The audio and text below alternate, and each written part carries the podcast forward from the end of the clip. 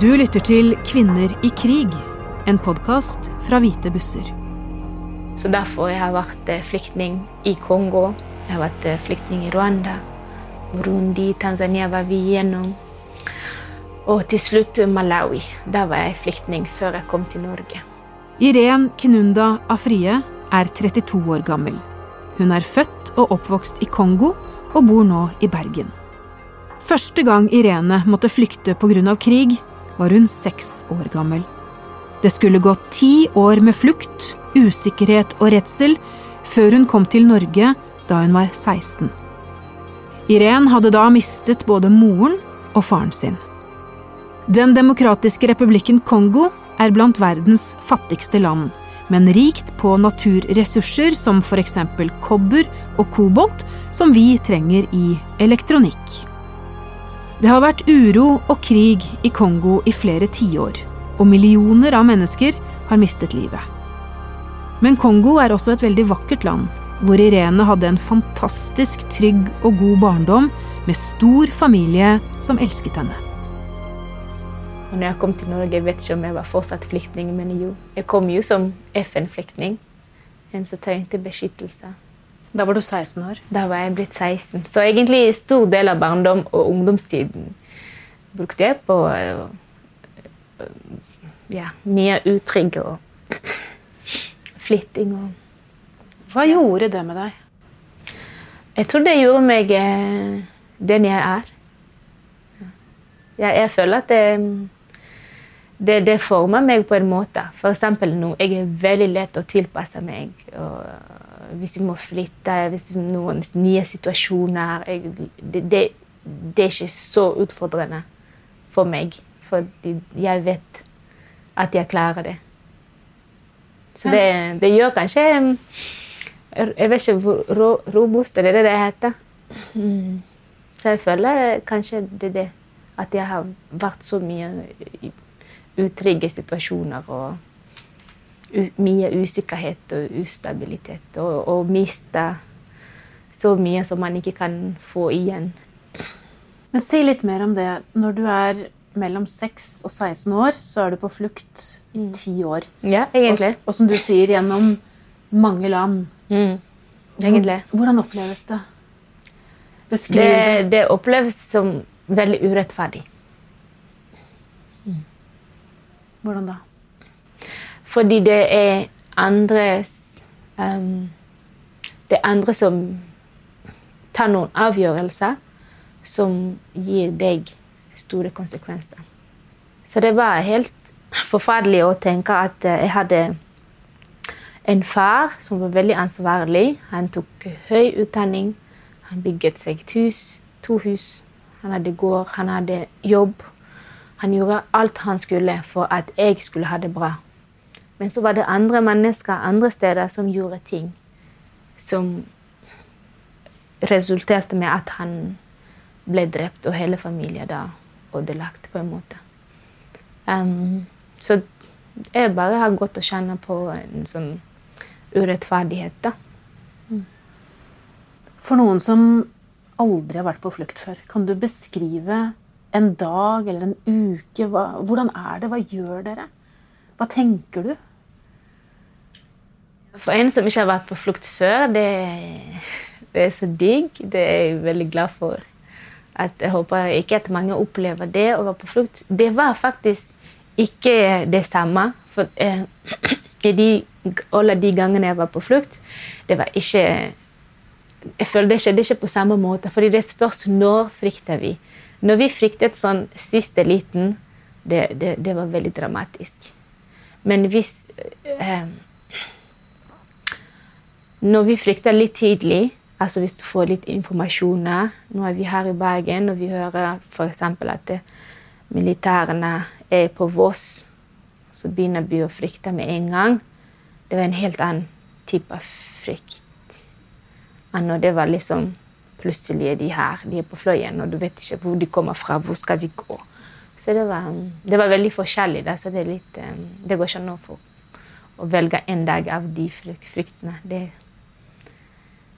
men var du mye redd? Ja. Ja, ja. Veldig mye redd. Og ikke bare redd for å at noe skal skje deg som person, men at noe skal skje de du er glad i. Det var kanskje det verste. Og du opplevde jo at du også mista moren din. Ja, ja. Ikke bare min mor min besteforeldre. Jeg var jo glad i Akkurat som jeg sier, jeg var elsket av barn. Det var mange som var glad i meg. Og jeg var også glad i mange. Så da De døde. Mm. Så det ble altfor mye på en gang. Men du hadde en uh, snill onkel? Veldig snill onkel. Ja. Min mor sin storebror han tok vare på meg hele tiden. Når vi fryktet, så må han si selv at han bare tok alle barna som var der, og bare gikk med alle som var der. Han vet ikke hvem han har med seg, og jeg var en av de. Og når vi kom til eh, flyktningleirer i Malawi, så har han liksom tatt ansvar, akkurat som jeg var hans barn. Mm. Hvordan kom du til Norge? Ja, det må du spørre FN. Nei da. det er FN som eh, ga oss sånn eh, flyktningstatus. Og vi ikke hadde noe sted å være der og da. Vi kunne ikke heller reise til hjemlandet. Og da spør FN de landene som har signert under flyktningkonvensjonen, om de kunne hjelpe. Norge er en av de. Så Norge sa ja til å ta imot noen eh, flyktninger. Så i 2006 Norge sa ja. Norge tok imot 1000 flyktninger, og jeg var en av de. Hva husker du fra den dagen du kom til Norge? Jeg var redd. Som alltid. Det var litt sånn Jeg gledet ikke meg noe særlig. Det, men jeg visste det blir vanskelig. Men jeg visste at jeg skulle klare det. Jeg visste det blir vanskelig med været. Jeg visste det blir for kaldt. Jeg visste det er et nytt språk. Men eh, jeg kunne jo i hvert fall fem-seks andre språk. Hvis jeg så jeg tenkte ja, ja. Det går fint. Men det er bare sånn kjedelig å starte på nytt igjen. fordi siden jeg, jeg flyktet så mange ganger. Og når jeg var i Malawi, så hadde jeg lært meg chichewa, og jeg snakket som til og med folk fra Malawi. De visste ikke at jeg ikke var fra Malawi, fordi jeg snakket så godt. Og så nå måtte jeg begynne på nytt igjen, så det var litt sånn kjedelig. Men jeg visste at jeg klarer det. Men Irene, 16 år, mm. som kommer til Bergen. Mm. Hva drømte hun om? Det er ikke så Det var ikke så mange drømmer, egentlig. Fordi jeg tror det er det igjen som kanskje kommer fra min erfaring. At uh, kan ikke drømme så langt i tid. Du vet ikke hva som skal skje. Så det var ingen drøm.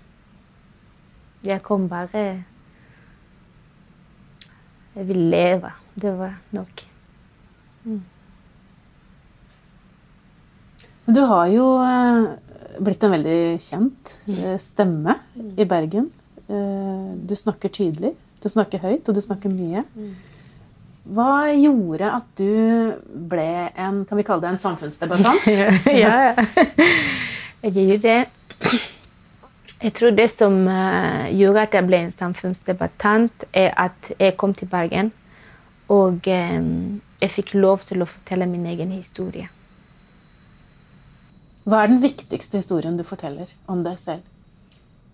Det viktigste det er eh, kanskje hvordan jeg gikk fra å, være, å ha så mye hat eh, til å ikke ha så mye hat.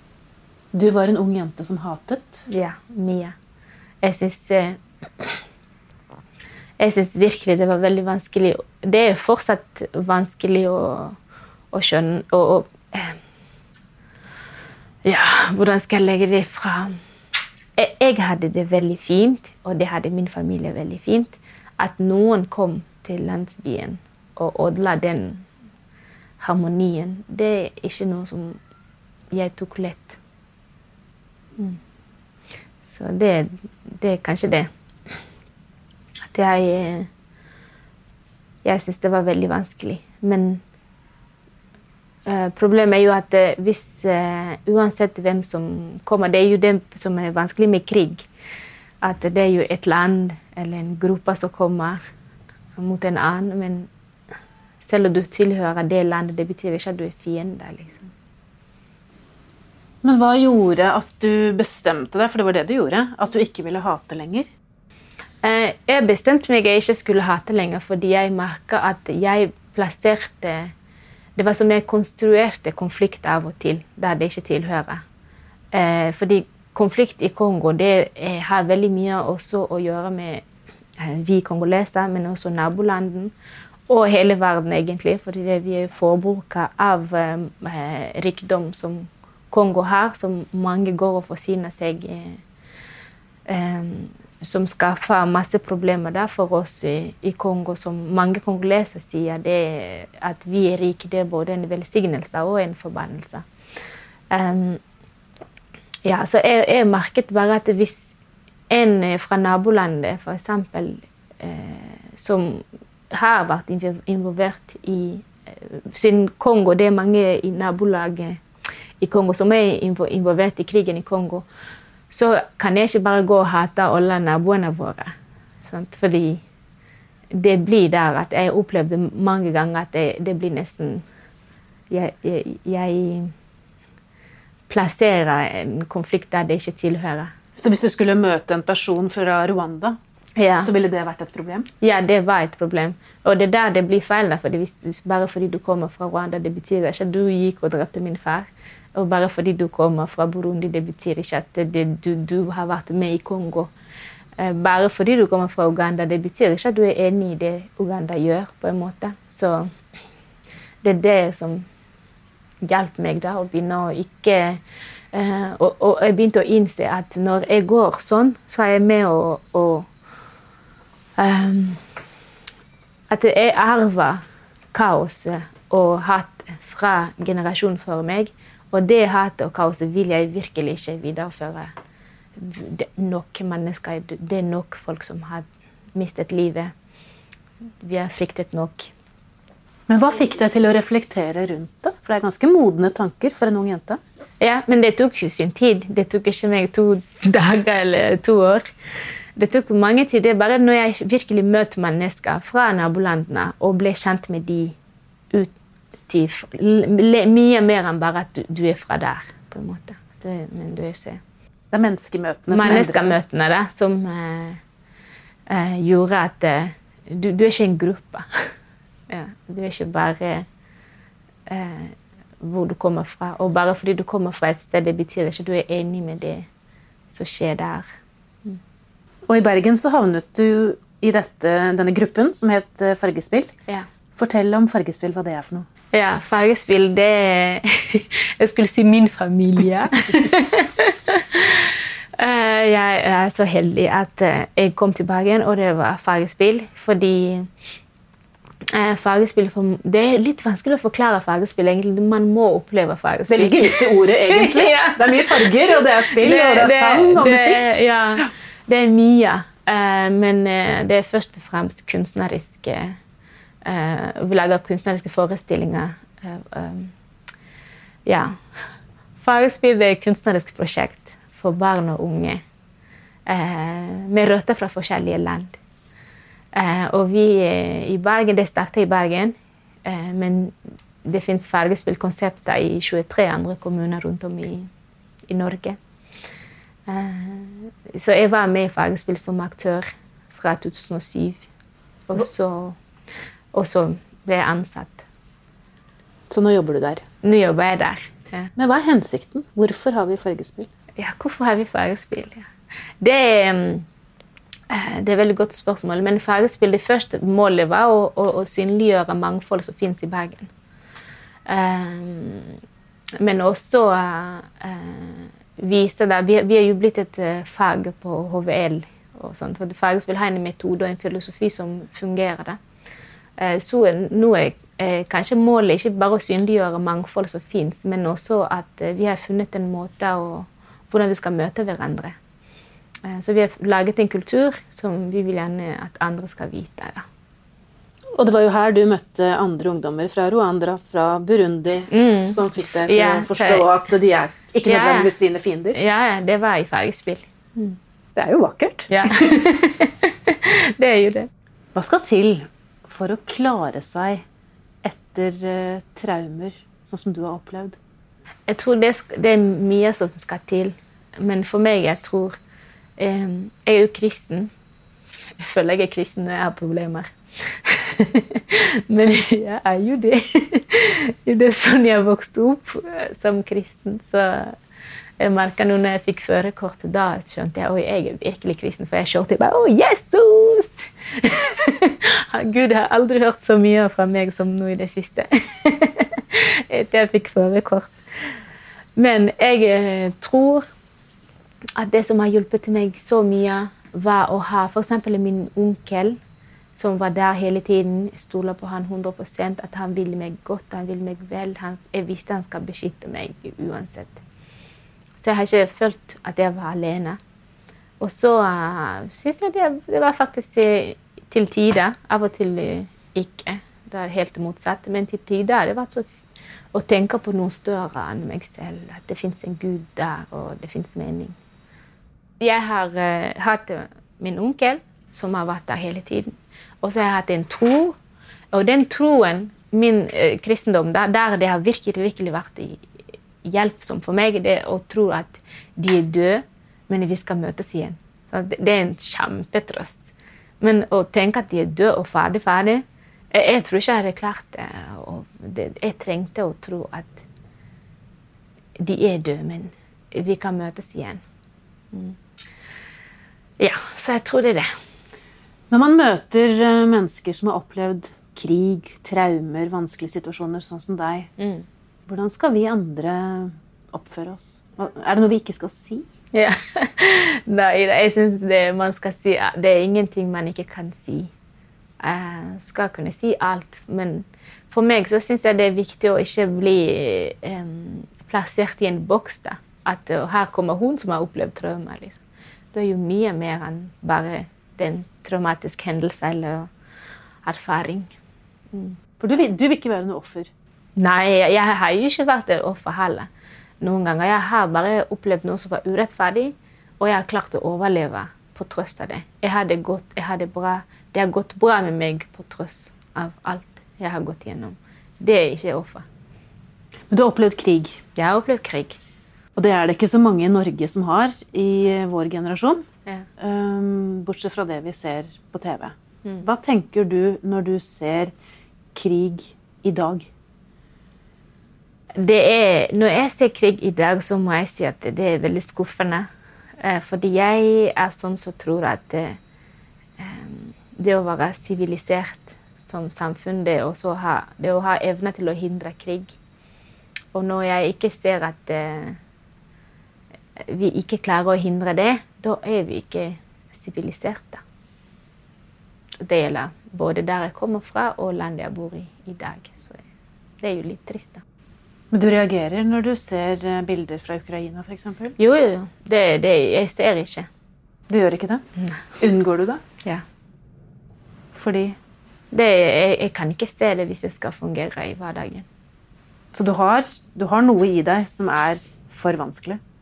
Ja, ja. Jeg syns det er for vanskelig å se krig. Jeg. Men det med Ukraina det selvfølgelig jeg følger med, men det er også krig i Kongo som jeg også følger med på, uh, som jeg leser om. I, selvfølgelig ikke i norske medier, vi har jo glemt krisen. Um, men jeg, jeg begrenser meg selv, da. Jeg prøver å, begrense. Jeg må bare vite hva er det som skjer uh, i Ukraina. Hva skjer i Kongo? Er det noe jeg kan gjøre? Så gjør jeg det gjerne. Og det har jeg gjort alltid, nesten. Når du skriver i Bergens Tidende eller står på en scene og holder foredrag, hva er det viktigste budskapet ditt? Eh, jeg tror faktisk eh, det er at eh, jeg er veldig Jeg ser at jeg skriver veldig ofte om at min måte å tenke på er veldig farget av ubuntu-filosofi, som er selvfølgelig en afrikansk filosofi som handler om at eh, jeg er fordi du er. Så jeg ser at uh, jeg er den jeg er pga. alt rundt meg, ikke bare pga. hvem jeg er, hvis det gir mening. At um, um, ja, fra jeg var liten, så lærte jeg selvfølgelig å være et menneske gjennom andre, mine nærmeste. Og så uh, Eh, vokste jeg opp, og så har jeg blitt tatt vare av andre. Så kom jeg til Norge, så er det andre mennesker som har kommet og passet på og hjulpet meg hele veien. Um, så jeg, jeg, ser at jeg, jeg, driver og formidler at jeg er fordi du er. Um, fordi det, Hvis det skal gå bra med meg, det handler ikke bare om meg, men det handler også om deg. Hvordan du ser meg. Hvilke muligheter jeg får. Også. Hvilke dører som åpner for meg. Sånt. Handler det litt om fellesskap og samarbeid, eller? Ja. Det er veldig mye fellesskap. At jeg er en, en, et individ i en større fellesskap. Jeg er en del av noe større. Men hva vil du si? Hva vil du bruke stemmen din til? Jeg vil bruke stemmen min til å selvfølgelig eh, fortelle min historie, hvor jeg kommer fra. Fordi jeg ser at eh, det er veldig mye om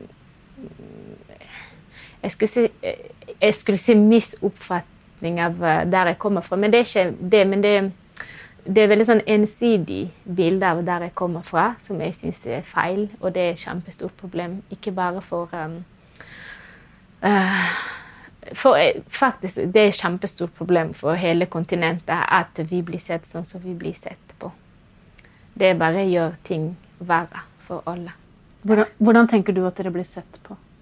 Uh, det er veldig mye sånn, Afrika blir nesten et slags mørk kontinent veldig mye eh, eh, eh, rapportering om krig og katastrofer. Og det er jo det er bare nesten det som kommer gjennom. Men den andre siden av kontinentet det blir vi ikke kjent med, eller folk blir ikke kjent med det. Og det er jo tragisk og en, en av de grunnene til at vi har masse problemer. Da. Så jeg bruker min stemme til sånne ting. Hva gjorde at du eh ble den du ble, og fikk den stemmen du har etter å ha hatt ti veldig tøffe år som barn? Mm. Ja, jeg, jeg, tror det er fordi jeg, når jeg kom, så ble jeg ikke definert som et problem. Når jeg kom til Bergen, så ble jeg sett på som en ressurs, og jeg ble en ressurs. Så enkelt. det, det, har gått bra med meg fordi jeg har blitt sett på som en ressurs. Men hvis jeg kom, og folk eh, ser på meg som en stakkars eh, jente som kom til Norge uten foreldre og opplevd så mye krig, eh, så er det veldig vanskelig å vokse ut av den boksen. Du er fanget. For da kommer alle gjerne og skal hjelpe. Du skal få, du skal få, du skal få. Du får ikke mulighet til å gi. Det er det altfor stor ubalanse i, eh, i det forholdet der du bare får og ikke får lov til å gi. Så det har gått bra, for jeg har fått lov til å gi. Du har hørt Irén Kinunda Afrie i Kvinner i krig. En podkast fra Hvite busser, støttet av Fritt Ord og Bergesen-stiftelsen, og produsert av Frafjord Media. En spesiell takk til Raftostiftelsen for menneskerettigheter i Bergen, som gjorde dette samarbeidet mulig. Dette intervjuet ble tatt opp i 2022 som et ledd i Hvite bussers arbeid for å bevare tidsvitnenes historier for ettertiden. Lyddesign er ved Frode Ytterarne. Jeg heter Karine Næss Frafjord. Takk for at du hører på og holder historien levende.